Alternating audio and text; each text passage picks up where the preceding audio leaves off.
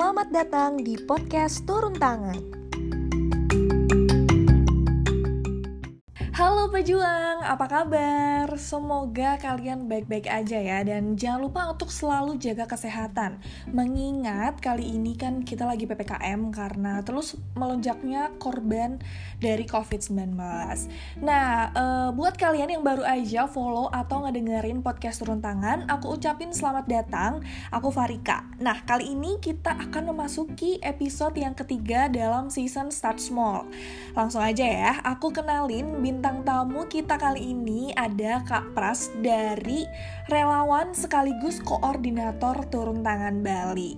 Halo Kak Pras, apa kabar? Sehat, Alhamdulillah. Tapi lagi masa-masa kayak gini agak ngeri-ngeri juga ya. Iya, makanya kita harus selalu jaga kesehatan nih Kak Pras. Iya, bener banget. Nah, uh, eh, btw kak, kak, kak Pras ini kan di Bali gitu ya. Nah, ya. Uh, gimana nih keadaan di Bali kayaknya nggak separah Jakarta gitu ya mengingat banyak juga yang masih nggak pakai masker. Ya nggak sih kak? Coba deh kak boleh dong kak diceritain uh, sebenarnya gimana sih keadaan di sana? Oke okay, uh, eh, jadi keadaan di Bali sendiri uh, gimana sih ya? Kalau dibilang beda sama Jakarta sih memang beda gitu. Kalau Jakarta sendiri aku memang aku sendiri memang lihat kan uh, parah banget. Tapi kalau di Bali itu uh, kalau aku lihat di sini gini kak. Jadi misalkan ada penambahan sedikit aja itu Pemda di sini tuh gercep banget uh, ngambil preventif gitu. Misalkan angkanya udah semakin tinggi nih, uh, tiba-tiba udah ada ppkm aja gitu seperti itu. Hmm. Jadi uh, kalau misalkan sekarang banget nih, ini kan memang ppkm darurat nasional gitu. Jadi hmm. di mana-mana. Ini pertama kali banget gitu. Jadi kayak uh, aku sendiri juga agak sedikit gimana ya, ya harus ya harus menyesuaikan gitu karena memang itu prokes gitu. Jadi uh, tempat wisata wisata di sini yang sebelum ppkm darurat itu dibuka hmm. dengan uh, prokes tentunya. Nah hmm. sekarang itu benar-benar close semua gitu. Jadi tidak ada yang namanya kita harus ke pantai gitu, kita ke mall gitu. Mall pun sekarang udah tutup juga. Terus hmm. uh, apa ya? Toko-toko kecil pun sekarang juga udah ter terbatas jam-jam kerjanya gitu.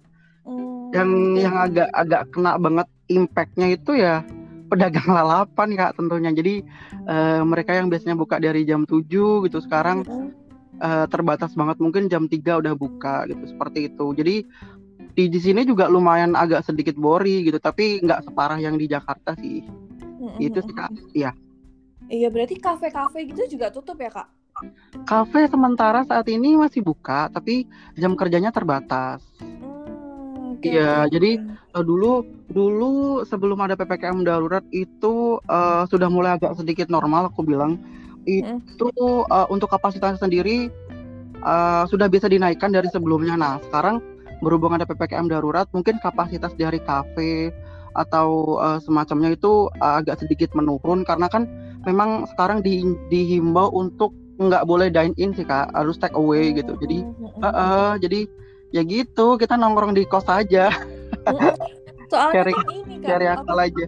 Iya soalnya kan banyak ya maksudnya kalau dilihat dari sosial media gitu ya misalkan oh. banyak banget selebgram atau artis gitu yang masih liburan ke Bali. Nah, secara kan Pulau Bali ini terkenal dengan pariwisata dan kalau kita mendengar kata Bali itu yang ada di pikiran kita tuh liburan santai-santai santai pasti ya iya iya iya tapi sebenarnya gimana sih kak situasi nih uh, kita bicara tentang situasi gerakan sosial gitu ya selain pariwisata kita ngomongin tentang pariwisata gitu di Bali. Okay, nah situasi gerakan sosial di Bali itu gimana kak? Nah kak ini menarik banget sih sebenarnya uh, kalau misalkan isu sosial, sosial uh, di Bali sendiri itu apa ya aku bilang itu antusias teman-teman itu luar biasa. Cuma karena kan memang kita terbatas gitu kak. Jadi beberapa gerakan sosial yang biasanya itu bisa nyampe beberapa orang nah sekarang harus terbatas gitu. Misalkan kita ada visiting ke yayasan gitu. Jadi uh, beberapa yayasan memang udah close tidak menerima kunjungan. Biasanya itu kalau misalkan kita mau donasi itu pun uh, hanya di apa ya aku bilang hanya ditaruh aja gitu. Kita nggak ada kegiatan semacamnya gitu. Tapi kalaupun memang memaksakan untuk ada kegiatan ada pembatasan uh, jumlah visiting kak. Jadi bisa biasanya itu yang biasa 20 gitu. Nah sekarang jadi mungkin bisa cuma 50% gitu. Jadi agak sedikit terbatas sih gerakan sosial. Tapi tetap kok uh, dari turun tangan Bali sendiri tetap uh, menginisiasi untuk selalu membuat social project gitu. Itu sih kak keren keren emang turun tangan Bali itu emang kayak keren banget sih uh, apa kalau ini kak kalau para pemuda di Bali nih itu apakah mereka tuh gemar mengikuti kegiatan kerelawanan gitu nggak kak? Nah, ini ini bagus banget sih. Jadi uh, teman-teman di sini itu gila antusiasnya tuh luar biasa sih. Jadi kalau aku lihat dari teman-teman uh, turun tangan Bali sendiri itu uh, ayo dong bikin apa, bikin apa gitu. Ayo misalkan ada isu uh, beberapa bulan yang lalu hmm? kan memang di sini sempat ada kebakaran gitu. Hmm. Uh, di suatu di mana ya? Desa lah. Jadi uh, teman-teman teman-teman Bali terutama teman-teman relawan itu cepat banget gitu bikin inisiasi gitu yuk kenapa kita nggak bikin donasi gitu yuk kenapa nggak bikin donasi jadi seti setiap ada sesuatu yang memang bersinggungan sama sosial gitu. Kita tuh cepat banget tanggapnya gitu. Yuk bikin donasi online yuk apa pun yuk. Nah aku agak sedikit oh keren banget ya ternyata di sini uh, apa ya impactnya tuh kalau misalkan kita ada sesuatu tuh cepet banget gitu. Jadi nggak harus nunggu besok deh besok deh. Nggak nggak kayak gitu. Jadi ayo sekarang yuk bikin apa yuk? Enaknya bikin apa? Nah yang aku suka dari teman-teman relawan di sini tuh gini kak. Jadi uh, kan kebetulan kan sekarang memang kuliahnya kan lagi online semua hmm. jadi uh, teman-teman relawan di sini kadang itu suka mikir gini ah gabut ah uh, ah cuma kuliah gini-gini aja yuk ngapain yuk bikin uh, project apa yuk nah jadi dari obrolan-obrolan semacam itu tuh kayak muncul percikan-percikan apa ya vibe-nya itu ada effortnya itu hmm. nyampe jadi meskipun cuma sekedar sekedar pembicaraan yuk bikin apa yuk? Uh, bikin social project atau apa? itu atau bikin uh, semacam kayak pengabdian masyarakat atau apa pun itulah. Jadi untuk mengisi waktu luang itu sendiri pun teman-teman ini antusias banget untuk mengalihkan kegiatannya ke sesuatu yang memang itu positif banget kak. Gitu sih. Siap-siap. Luar biasa banget ya kak. Maksudnya itu tuh uh, positif vibes-nya tuh kadang tuh bisa menular gitu ya kak. Maksudnya iya iya iya bener banget. uh. kan salah yeah. satu dari uh, kalian semisal ada yang mager-mageran tapi ngelihat kalian semua begitu semangat yeah. kan pasti kayak kebawa gitu iya iya iya bener banget iya bener bener bener jadi kayak jangan kan kita cuma ngobrol aja ya jadi kayak misalkan hmm. kita ada rapat uh, online via WhatsApp gitu hmm. kadang orang-orang yang memang nggak pernah muncul gitu juga nggak pernah muncul di grup tiba-tiba eh aku ada ide ini loh oh, aku ada ide ini oh ternyata ya bagus juga ya antusiasnya gitu seperti itu juga Wow, keren banget sih. Oh, jadi ya, keren banget cantik gitu loh. Mm-mm, jadi nggak nggak cuman kayak nggak cuman urun angan gitu, tapi cuma tapi langsung apa turun tangan gitu, nggak cuma Iya iya iya benar. Ah, ah benar. doang tapi iya. langsung turun gitu ya. Iya, benar banget ah. Terus kak, uh, kan tadi kita ngomongin positive vibes, kalian begitu semangat, luar biasa sekali gitu ya. Nah, mm -hmm. pasti kan uh, selain itu kan kita eh, nggak uh, jarang dong ya kayak kita menemui sebuah kendala gitu atau challenge tantangannya nih. Nah, biasanya tuh uh, apa sih Kak tantangan di dalam tim internal turun tangan Bali dan gimana uh, kalian itu berhubungan juga dengan pihak luar? Nah, ini kalau di di ngomongin masalah tantangan gitu. Mm -hmm.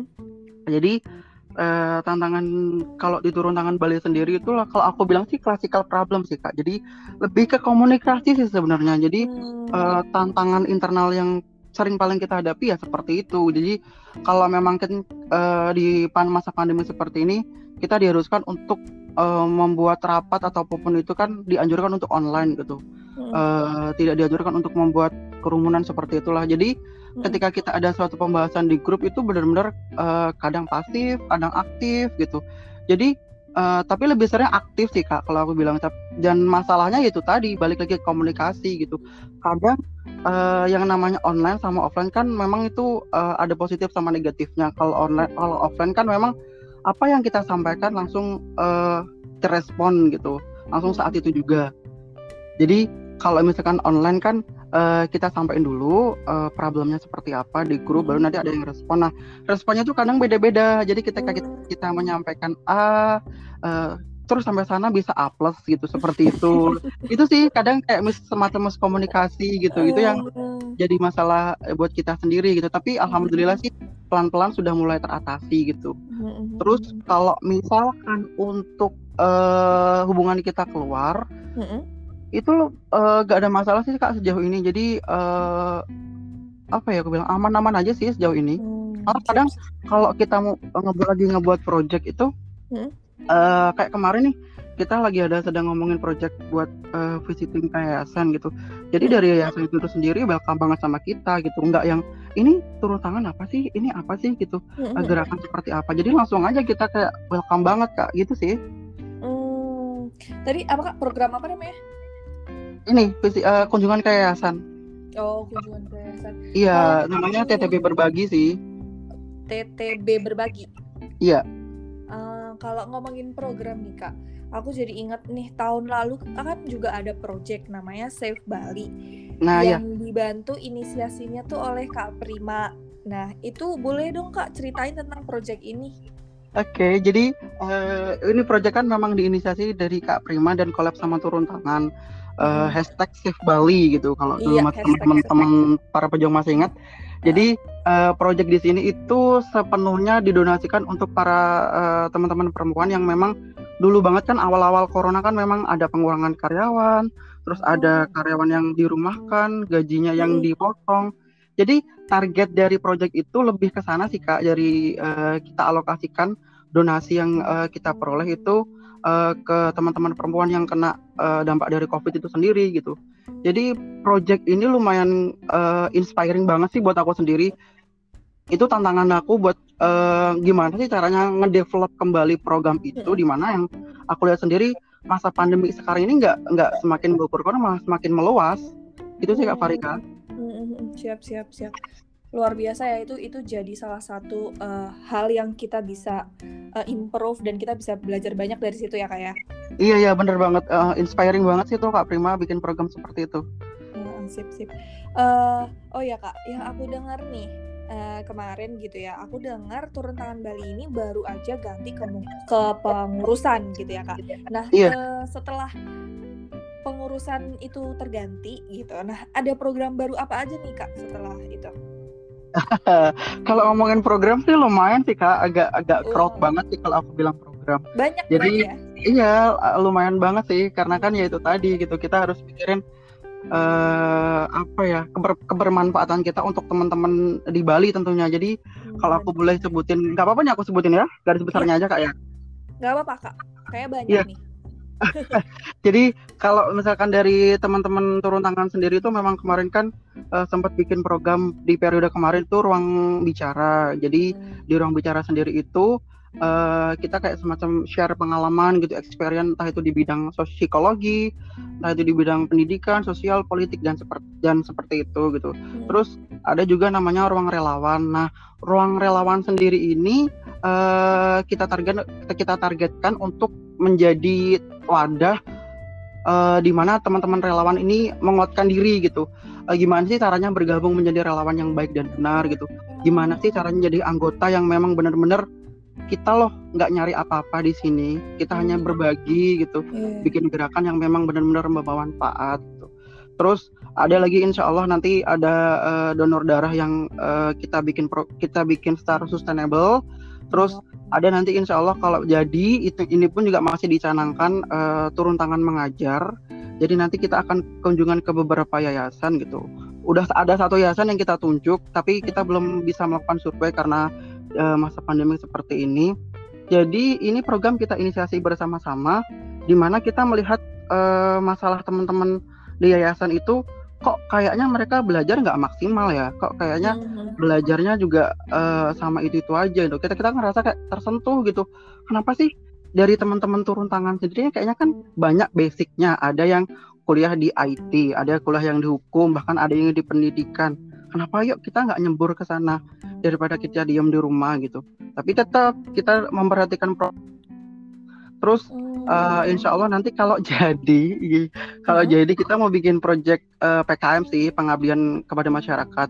Uh, jadi ini program oh. juga aku inisiasi dari Kak Prima bagaimana caranya kita berbagi ke masyarakat.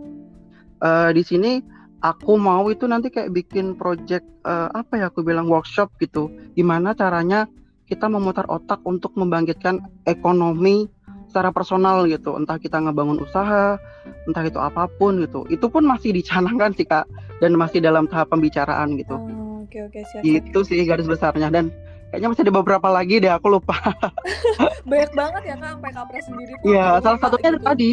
Iya salah satunya TTP berbagi itu tadi. Jadi hmm. berbagi TTP berbagi insya Allah nanti kan kalau jadi itu satu bulan sekali Uh, jadi targetnya itu nggak melulu di yayasan, entah gitu kita berbagi sembako, berbagi nasi, atau bahkan uh, di Jumat berkah gitu. Banyak sih kak inisiasinya gitu. Keren, itu sih. Keren. Luar ya. biasa. Tadi ya. uh, Kak Pra sempat mention gitu ya, uh, ada ruang ruang sharing untuk yeah. kalian terus dan juga kakak tadi sempat mention kalau uh, uh, rata-rata relawan turun tangan Bali itu dari ya, bisa belajar ini apa itu segala macam. Nah sebenarnya uh, latar belakang para relawan itu rata-rata apa kak? Dan gimana sih dulu proses rekrutmennya gitu? Nah uh, ini menarik sih. Kalau dari teman-teman turun tangan Bali sendiri hmm. uh, ini basicnya mereka lebih ke banyak ke mahasiswa sih. Dan ada yang memang udah hmm. alumni juga gitu. Hmm. terus uh, apa ya ada sih memang beberapa yang uh, bukan mahasiswa gitu bahkan dari umum gitu tapi hanya satu dua aja gitu tapi mayoritas kebanyakan dari anggota turun tangan itu turun tangan Bali khusus itu kebanyakan dari mahasiswa sih kak dan kebetulan uh, kalau aku lihat sendiri hampir aku bilang hampir ada di semua universitas yang ada di Bali atau kampus swasta itu ada tergabung dalam turun tangan itu sendiri gitu jadi enak juga ya teman banyak kuliah di sini wow. gitu sih kak. Mm -mm. tersebar nah, gitu terus, ya? Iya, kayak tersebar di banyak gitu. Ada yang di Singaraja gitu, ada yang di Beleleng gitu, ada yang di Nusa Dua gitu. Jadi kalau bikin project ya enak-enak aja gitu gitu sih. Mm-hmm. Terus untuk mm-hmm. proses rekrutmennya sendiri, mm-hmm. uh, jadi kita kemarin kan memang uh, uh, secara online. Jadi hmm. kita buka pendaftaran itu mungkin kurang lebih dua tiga minggu gitu uh, ada proses perpanjangan juga. Terus ke kemudian uh, dua tiga hari setelahnya kita ada wawancara online menggunakan Google Meet tentunya karena berbatas. Jadi sistemnya proses seleksi di sana sih kak dari wawancara gitu dari gimana caranya dia ngejawab. Terus kemudian uh, kita diskusin bareng-bareng approval nggak kira-kira calon uh, relawan uh, seperti ini gitu sih kak.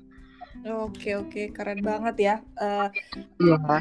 Apa relawannya tuh menyebar ke seluruh Bali dan itu juga akan memudahkan uh, aktivitas kalian gitu ya dalam mengadakan proyek-proyek atau program gitu. Nah jadi uh, apa sih alasan Kak Pras uh, bergabung dengan Turun Tangan Bali dan gimana sih caranya Kak Pras itu menumbuhkan semangat untuk tetap bergerak gitu Kak? Nah aku sendiri ngeliat turun tangan Bali itu apa ya kak? Dulu pertama aku ngeliat turun tangan Bali itu kayaknya sih komunitas yang asik banget sih gitu. Uh, teman-teman relawan sering ngadain uh, aku tertariknya tuh di sana dari awal gitu. Uh, sering ngadain social project gitu. Kok antusiasnya lumayan banget. Jadi secara langsung aku kena vibe-nya sendiri. Ayo kayaknya enak deh. Kayaknya deh. Uh, kayaknya uh, aku nyoba-nyoba sih waktu itu. Aku nyoba. Jadi karena aku orangnya memang tipe kalau orang yang penasaran jadi aku nyoba mm-hmm. gitu terus akhirnya karena aku uh, oh enak ternyata ya jadi jadi yeah. di, di, di, turun, di turun tangan sendiri itu kita dapat belajar banyak banget jadi dari sosial uh, dari apa pun itulah uh, mm-hmm. aku jadi ngerasa kayak kenapa sih uh, kita nggak bisa kita dikasih banyak hal nih sama Tuhan gitu aku bilang mm-hmm. aku di aku bilang sama diri aku sendiri kita dikasih uh, kita dikasih kesempatan. Nah sampai saat ini pun itu sesuatu yang luar biasa gitu. Terus kenapa sih kita bisa ngasih impact ke orang lain gitu kan kita nggak bisa ngasih sesuatu yang memang kita bisa apa sih? Kita bisa ngomong uh, kita bisa uh, knowledge-nya kita juga lumayan gitu kalau aku bilang. Kenapa nggak kita dari uh, berbagi dari hal kecil dulu deh? Uh, jadi kenapa kalau misalkan kamu bisa nggak kamu bisa ngasih manfaat orang lain terus apa ya kalian diam-diam aja gitu. Alangkah lebih baiknya kalian memberi manfaat entah itu dari sekecil apa pun gitu. Bahkan aku sendiri uh, nge-mindset diriku sendiri itu adalah cara wujud uh, caraku ber Tuhan gitu. Aku bisa berbagi sama orang gitu, entah dalam bentuk apa pun gitu. Jadi mungkin uh, dari situlah aku kayak semangat dalam uh, memper, menumbuh kembangkan gerakan-gerakan yang ada di turun tangan Bali sih kak. Karena aku juga ngebagi kebetulan kan memang dari teman-teman anggota kan uh, satu bulan sekali kita kan selalu ada monef gitu monitor dan evaluasi. Jadi aku selalu menyampaikan itu gitu. Kita masih muda kita masih dikasih kesempatan kenapa nggak kita ngasih manfaat ke orang lain gitu? Hidup kita nggak ada yang tahu gitu. Besok masih ada bahkan satu menit kemudian kita nggak nasib kita yang nggak ada yang tahu gitu. Kenapa kita nggak ngasih manfaat sama orang lain gitu?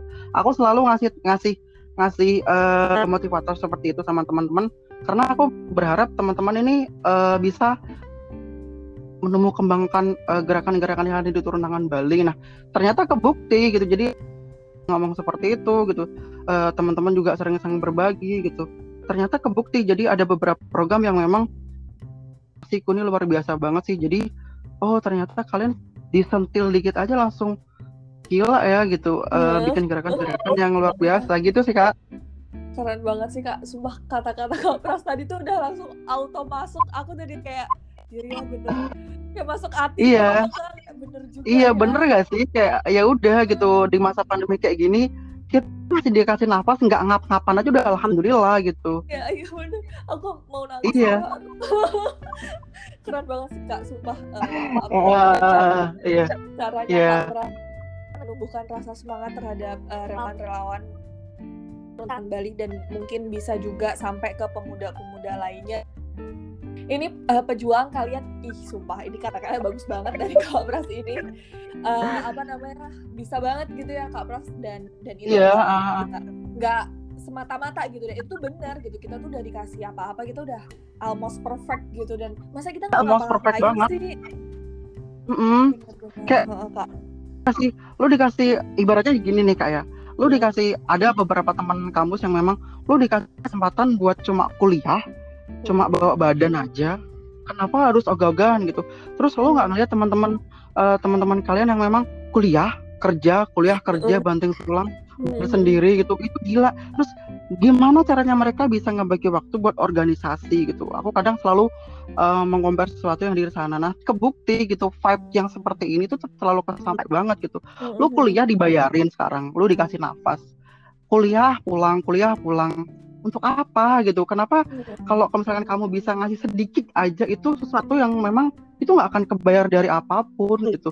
Bahkan kalau besok lu mati aja lu lu nggak ada gitu kalian udah nggak ada apa kasih itu akan dikenang gitu oh iya dulu si A ya sih proyek seperti ini ya waktu dia masih aktif di TTP. Nah hal-hal seperti itu yang aku selalu tularkan teman-teman kak. Jadi uh, kalian mau bikin proyek yang seperti apa sih? Jadi kalau aku selalu koor selaku koordinator, aku nggak hmm. pernah nuntut yang uh, aku mau bikin proyek seperti ini, aku mau bikin proyek seperti ini. Nah, aku selalu bicarain sama teman-teman.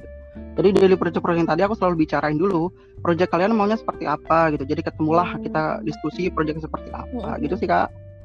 Keren banget sumpah kak itu kayak aku ya bener ya kak semua ini masuk banget loh kak ke hati aku demi iya moga-moga juga nyampe teman pejuang semua ya, ya para pejuang amin amin ah. juga nyampe juga ke kalian gitu ya dan membuat kalian lebih sadar dan lebih aware dan mungkin juga bisa menggerakkan uh, kalian semua gitu lah biar bisa langsung turun tangan gitu kalau melihat uh, ya, sesuatu bener. ada sedikit apa gitu biar kita langsung tergerak gitu ya kak uh, ya oke okay mungkin itu aja ya Kak Pras. Makasih banget udah cerita dari gimana keadaan di Bali gimana mereka uh, para pemuda di Bali bergerak sampai akhirnya kakak ngasih suatu motivation gitu ya yang sangat luar biasa buat aku. Semoga ini uh. sangat luar biasa buat para pejuang di luar sana yang dengerin uh, podcast turun tangan ini. Thank you banget ya Kak Pras ya. Semoga Kak Pras sehat selalu di situ jangan lupa selalu jaga kesehatan Kak Amin amin amin Kak Farika juga ya. iya siap. Oke kalau iya, gitu iya. ini aku langsung tutup aja ya pejuang. Uh, mari kita sama-sama ucapin terima kasih banyak Kak Pras karena udah mau nemenin aku di podcast sudut pandang pejuang di episode ini dan juga yang tadi itu ya kata-kata yang sangat sangat sangat Iya sama Kak. Oke. Sampai jumpa Kak. Iya, dadah. Iya. Uh, makasih Kak ya.